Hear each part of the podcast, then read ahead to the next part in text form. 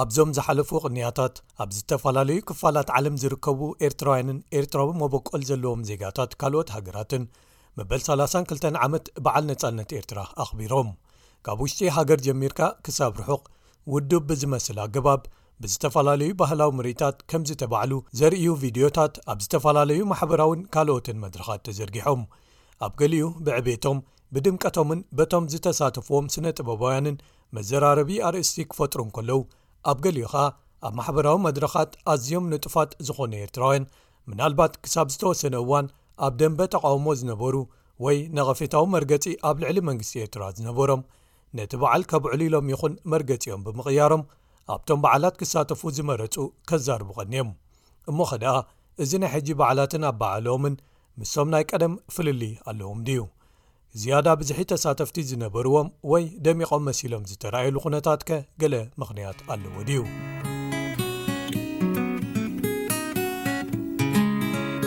ፈስቲቫላትን ህዝባዊ በዓላትን ኤርትራ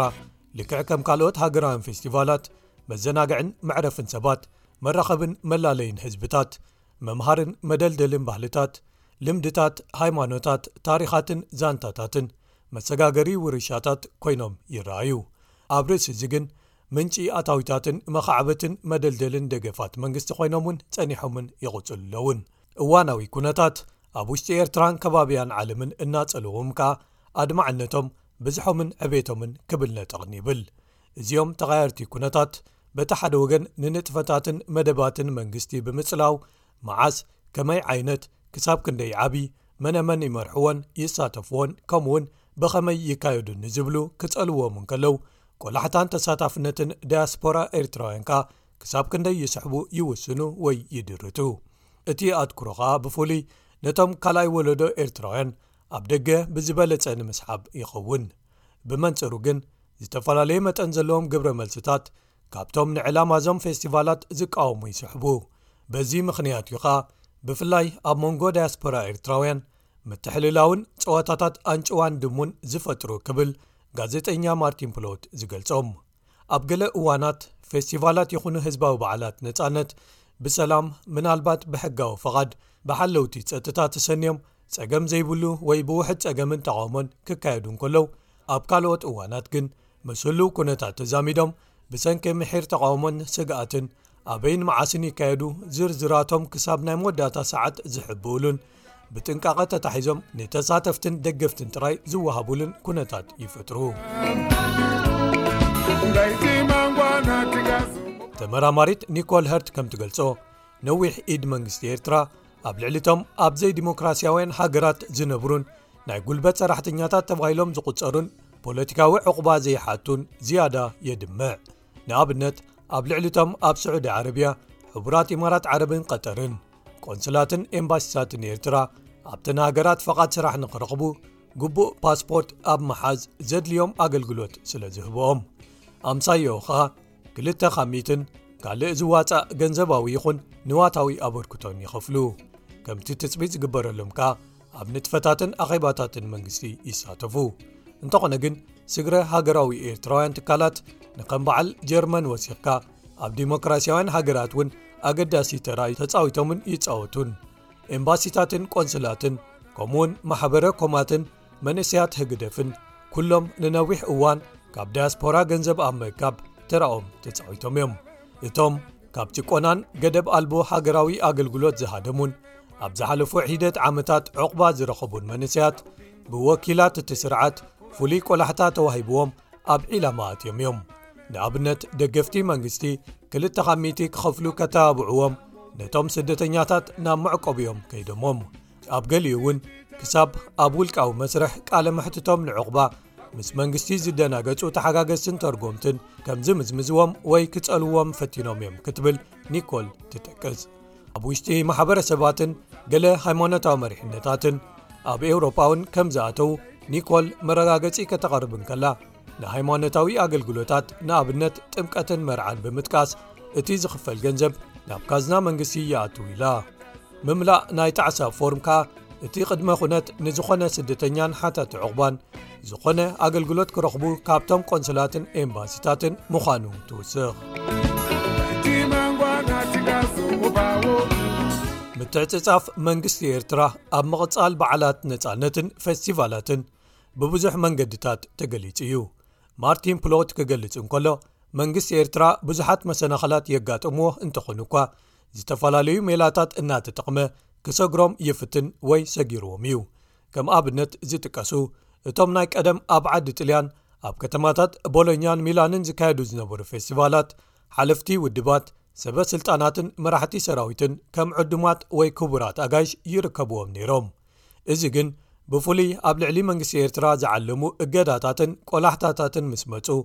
በቶም ኣብ ውሽጢ ሃገር ዝብገሱ ፍሉጣት ወይ ዝረኣዩ ወይ ዝተመርጹ ስነ ጥበባውያንን ሙዚቀኛታትን ክምርሑ ተገይሮም ነዚኦም እውን ጸገማት ቪዛ ተኣማንነትን ምህዳምን ምስ በዝሖም እቶም ምርኢታት በዓላትን ፌስቲቫላትን በቶም ኣብ ደገ ካብ ቀደሞም ዝነብሩ ግን ከኣ ተኣመንቲ ዝኾኑ ወይ በቶም ብፍቓድ መንግስቲ ኣብ ደገን ኣብ ሃገርን ዝነብሩ ስነ ጥበበኛታት ከምዚ ትክኡ ብምግባር ክቕጽሉ ተገይሩ ድሕሪ ግዜ ኸኣ ምናልባት እቶም ካብ ሃገር ንድሕነቶም ሰጊኦም ድዮም ወይስ ብዝተፈላለዩ ምኽንያታት ንምርኢት ኢሎም ምስ ገሹ ይኹን ወይ ከም ሰቦም ብስግረዶብ ናብ ስደት ዘምርሑ ጸኒሖም ግን ናብቲ መንግስቲ ዝውድቦም ውራያት ክሳተፉ ዝጀመሩ ዝጀመሩ ስነ ጥበባውያንን ደረፍትን ክትክኡ ወይ ክሕገዙ ተገይሩ እዚ ዅሉ ብመደብ ድዩ ወይስ ጸገም ዝፈጠሮ ምትዕጽጻፍ ብዘየገድስ እቲ መንግስቲ ናይ ፕሮፓጋንዳ ባህላውን ፖለቲካዊ መደባቱ ምክያዱ ይቕጽሉ ኣሎ ጎድኒ ጎድኒ እዚ ዝግለጽ ርእይቶ ኸኣ እቲ ተጓሕጒሑ ዝወፀ መንሰይን ካልእ ክፋል ሕብረተሰብን ካብ ማዕዶ ሃገር ከይተጠፍእ ተባሂሉ ስግኣት ከም ዝሓድሮ ብምግባር ብተዘዋዋሪ መንገዲ ኣብ ትሕቲ ቁፅፅር ክኣቱ ወይ ከኣ ተቓውሞኡ ክመክን፣ ክቕንስ ወይ ክደክም ተደልዩ በዚኦም ኣገባባት ዝተሓዘሉ ዝግበር ሜላ እዩ ዝብል እዩ። ሙዚቃ ሓያል መሳርሒ ናይዚ ጎስጓስ ስለ ዝኾነ እቶም ናይ ቀደም ሃገራዊ ደርፍታት ኣብዞም ኣጋጣሚታት ተደጋጊሞም ይድረፉ ሓደስቲ ደርፍታትን ግጥምታትን ከኣ ብፍሉይ ነቲ ሓድሽ ወለዶ ዝዕልም እውን ፈርዮም ኣብ ዝተፈላለዩ ማሕበራዊ መድረኻት ብጻዕቂ ይጽወቱ ከም በዓል ክረግ ሮበርትሰን ዝኣመሰሉ ተመራመርቲ ከም ዝገልጽዎ ሙዚቃ ምስ ለውጢ ኣብ ሕብረተሰብ ወይ ሶሻል ቸንጅ ካብ ፈለሙ ተጣሚሩ እዩ ዝኸይድ ኣብ በዓል ግብፂ ቱኒዝያን ሊብያን ኣብ ፈለማ እዋናት ነውፅታት 21112 ከም መግለፂ ናይ ሓባር መንነትን ህሞታት ተቃውሞን ኣድማን ንምግላፅ ከምኡ ውን ናብ መላእ ዓለም ቃልሲ ንምቅላሕን ደገፍ ንምርካብን ኣገልጊሎም እዮም መንግስታት ግን ብኣንጻሩ ነዚ ሕብረተሰብ ዝቋፃፀሩሉ ንዕኦም ዘወድስ ወይ ነቐፌታዊ ትሕዝቶ ዘይብሉ ሙዚቃ ብምስራሕን ብምትብባዕን ነቲ ኣንጻሮም ዝስራሕ ከም ክንዎ ይሰርሑ ወይ ይጓየዩ ስለዚ ናይ መን ሙዚቃ ናይ መን ሃገር ኢሉ እዚ ተመራማሪ ዝተጠቕመሉ ኣርስቲ ኣብዚ ናይ ኤርትራ ኩነታት ምናልባት መልሱ እንታይ እዩ ንዝብል ካብቶም ዝቐርቡ ዓይነታት ሙዚቃ ተሳተፍቲ ስነ ጥበባውያንን ኣባላት መሪሕነትን ምርድኡ ኣጸጋሚ ኣይከውንን ብዝሒ ተሳተፍቲ ኣብቶም ብመንግስቲ ዝውደቡ ወይ ዝድገፉ ፌስቲቫላት ይኹን ምርኢታት በዓል ነጻነት ካብ ግዜ ናብ ግዜ ከከም ኩነታት ውሽጢ ሃገርን ከባቢታት ምብራቕ ኣፍሪቃን ዓለምን ክፈላለዩ ተራዮም እዮም ንኣብነት ኣብቲ ኣብ ውሽጢ ኣስመራ ምስ ኩነታት ቤት ትምህርቲ ኣድያን ሓጂ ሙሳን ከምኡውን ማእሰርቲ ኣቡነ ኣንጦንዮስን ተኣሳሲሮም ኣብ ደገ ዝተኻየዱ ተቓውሞታትን ንኦም ዝድግፉ ሰላማዊ ሰልፍታትን ምናልባት እቲ ማሕበራውን ሃይማኖታውን ዛዕባታት ዓብሊሉ ስምዒታዊ ደገፍ ፈጢሩ ክኸውን ይኽእል እቲ ናህርን ብዝሕን ተሳተፍቲ ኣንጻር መንግስቲ ወይ ኣንጻር ተግባራት መንግስቲ ዝዓበየ ይመስል ነይሩ ማርቲን ፕሎት እቲ ኣብ ሓደ እዋን ዳርጋ ኣድማሳዊ ዝመስል ደገፍ ዳያስፖራ ንመንግስቲ ኤርትራ ድሕሪ ደጊም ሕሉፍ ወይ ነበረ ኮይኑ እዩ ክብል ገሊጽዎ ነይሩ እንተኾነ ግን እቲ ህሞት ምስ ሓለፈ እዚ ብዝሒ ናብ ካልእ ተመሳሳሊ ወይ ሓድሽ መንኮርኮር ተቓውሞ ክቕየር ኣይተራየን ዝብሉ ኣለዉ ርዱእ እዩ ኩሉ ግዜ ንዝኾነ ስርዓት እቶም ኣብ ዝኾነ እዋንን ኩነታትን ኣብ ምድጋፉ ዝጸንዑ ክፋላት ሕብረተሰብ ኣለዉ በቲ ሓደ ሸነኽ ከኣ እቶም ብሰንኪ ኣተሓሕዝኡ ኣብ ልዕሊ ዜጋታት ይኹን በቲ ዝኽተሎ ዕላማ ነቲ መንግስቲ ኣብ ምቅዋሙ ጸኒዖም ዘትክሉን ዕላማኦም ክሳብ ዝወቅዕ ዝቃለሱን ክፋላት ከኣ ኣለዉ እቶም ዝበዝሑ ብዝተፈላለየ ኣገባባት ዝግለጹ እቶም ኣብ ማእከል ዘለዉ እዮም እዚኦም እቶም ኣብ ዝበዝሐ ወይ ከኣ ንቡር እዋን ስቕታ ዝመረጹ ወይ ሳይለንት ማጆሪቲ ተባሂሎም ዝግለጹ እዮም። ገለ ዘይግደሱ ወይ ንዓይ ኣይምልከተንን ዝብሉ ይዀኑ። ካልኦት እንታይ ይዅን ብዘየገድስ ካብ ፖለቲካ ነጻ ክንከውን ኢና ኢሎም ምርጫኦም ዘፍለጡ ወይ'ውን ኣብቲ ፖለቲካዊ መልክዕ ዘይሓዘ ንጥፈታት ወይ ውራያት ጥራይ ክሳተፉ ዝመርጹ ገለ ኣብ ነብሶም ወይ ኣብ መቕርቦም ክሳብ ዝመጽእ ዝጽበዩ ወይ ምስ ኣጋጠመ ዝፍለጦም ይዀኑ። ገለ ኸኣ ንኻልእ ዕላማ ወይ ረብሓ ክብሉ ስቕታ ወይ ልኡማት ክዀኑ ዝመረጹ። ወዘተ ክዀኑ ይኽእሉ እዮም። እዚኦም ክፋላት ሕብረተሰብ እምበር ብዝተፈላለዩ ውልቃዊ፣ ሕብረተሰባዊ፣ ውሽጣዊ ወይ ደገኣዊ ኵነታት ሃገር ተጸልዮም ኣብ ጐድኒ መንግስቶም ወይ ኣንጻሩ ብምዃን ቍጽርን ዓይነትን ደገፍትን ተቓወምትን ዝውስኑ ነዚኦም ንምርዳእ ንምሕቋፍ ንምሓዝ እዩ እምበኣር ንጥፈታትን ጎስጓሳትን መንግስቲ በቲ ሓደ ወገን ተቓወምቲ ከኣ በቲ ካልእ ቃልሶምን ጻዕሮምን ዘካይዱ ገሊኦም ነዚ ናይ ሕጂ ኣብ ባዓላ ነፃነት ወይ ተርእዮ ምስ ተዓዘቡ ምናልባት ኣብቲ ንኻልኣይ ወለዶ ኤርትራውያን ኣብ ምዕራባውያን ሃገራት ዝነብሩ መንነቶም ሃይማኖቶምን መበቆሎምን ኣብ ምፍላጥን ምቕባልን መንግስቲ በቶም ስግረ ሃገራዊ መሓውራት ገይሩ ኣብ ዘካይዶም መደባት ምልላይን ኣሰምህሮን ወይ ምሕጻብ ኣእምሮ ይዕወት ስለ ዘሎ እዩ ዝብል ግምታት የቐምጡ ብመሰረት ሰብኣውያን ትካላት ዓለም ሎሚ ኤርትራ ሓንቲ ካብቶም ኣብ መላእ ዓለም ኣዝም ውልቀ ምልካውያን ዝኾኑ ሃገራት ኮይና ከባቢ ፍርቂ ናይቲ ኣብ ደገ ዝነብር ህዝባ ብምኽንያት እቲ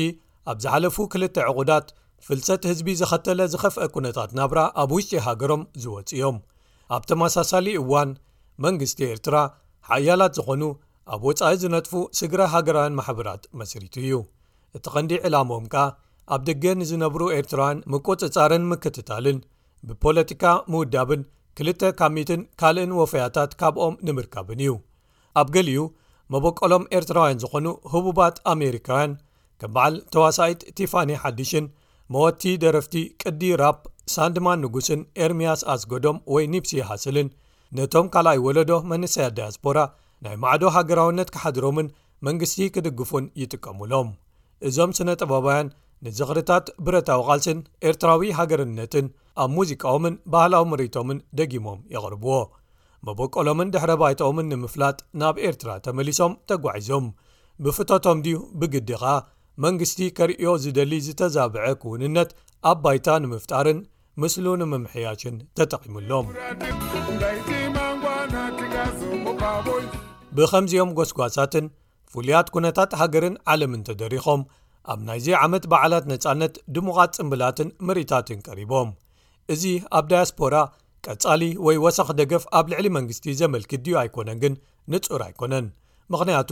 ዝበዝሑ ሰባት ክሕተቱ እንከለው ኣብቶም በዓላትን ውራያትን ዝሳተፉ ሃገራዊ ስምዒቶም ይገልጹ እምበር ግድን ደገፍ ንመንግስቲ ምግላጾም ከም ዘይኮነ የነጽሩ ብኣንጻሩ ግን ገሊኦም እቶም ብገለ መልክዑ ኣብ ልዕሊ መንግስቲ ነቐፌታ ወይ እውን ተቓውሞ ዝጸንሖም ወይ ከርእዩ ዝጸንሑ እሞ ግን ኣብዞም ንጥፈታት ክዋስኡ ወይ ክሳተፉ ዝመረጹ ተጻብኦታቶምን ንጥፈታት ተቓውሞኦም ኣብ ልዕሊ መንግስትን ክንክዩ ምዃኖም ባዕሎም ዝገልጽሉ ዅነታት ወይ ከኣ ከም ዝቐነሱ ዘመላኸቱ ተርእዮታት ይረኣዩ እዮም ከምቲ ኣብ ግብጺ ኣብ 211 ዝተፈጥረ ዅነታት ተገዳስነት ዳያስፖራ መንእሰያት ኣብ ጉዳይ ሃገሮም ዝፈጠሮ ወይ ዝዕዘዞ እቲ ኣብ ትግራይ ዝተኸፍተ ኲናትን ዝተፈጥረ ዅነታትን ኣብ ኤርትራውያን ተመሳሰሊ ግብረ መልሲ ወይ ተርእዮ ፈጢሩ ክኸውን ይኽእል ዶ ኩነታት ትግራይ ካብ ዝጅመር ንደሓር ኣብ ዳያስፖራ ኤርትራውያን ብዙሕ ምክፍፋል ተራዩ እዩ ኣብ ደንበ ተቓውሞ ወይ ደለይቲ ፍትሒ ዝተንፀባረቑ ዝተፈላለዩ ኣረያታትን መርገፂታትን መርኣያ ፈተነታት ኣብ ህላወን ቀፃልነትን ኣድማዕነትን እቲ ደንበ ነይሮም ወይ እዮም ክበሃል ይከኣል ነቲ ዝተበገስሉ ዕላማ ተቃውሞ ኣንጻር መንግስቲ ኤርትራኻ ናብ ዝተፈላለዩ ኣንፈታት ብምፍንጫል ከዳኽሞ ክኢሉ እዩ ዝብሉ ሰባት ኣይተሳእኑን። እቲ ኲናት ዝፈጠሮ ናይ ገዛእ ርእሱ ናይ ህላወ ይኹን ካልኦት ንሰብኣዊ መሰላትን ፖለቲካን ዝምልከቱ ሕቶታት ኣቓልቦን ተሳታፍነትን ዳያስፖራ ክብ ከም ዝብል ገይርዎ እዩ። ኣብ መወዳእትኡ ብስምምዕ ሰላም ፕሪቶርያ ዝተዛዘመ ኩነታት ናይ ገዛእ ርእሱ ሰዓርን ተሰዓርን ፈጢሩ መርገጺታት ከም ዝቀያየሩ ገይሩ ናይዚ ውጽኢት ከኣ መጠኑ ብዘይገድስ ገለ ነባር ምንቅስቓሳት ተቓውሞ ተበቲኖም ሓደስቲ ተፈጢሮምን ሰባትን ጉጅለታትን ካብቲ ሒዘሞ ዝነበሩ ሓደ ጽንፊ ናብ ካልእ ጽንፊ ሰጊሮምን ንስኹም ከ ነዚ ዅነታት ከመይ ትርእይዎ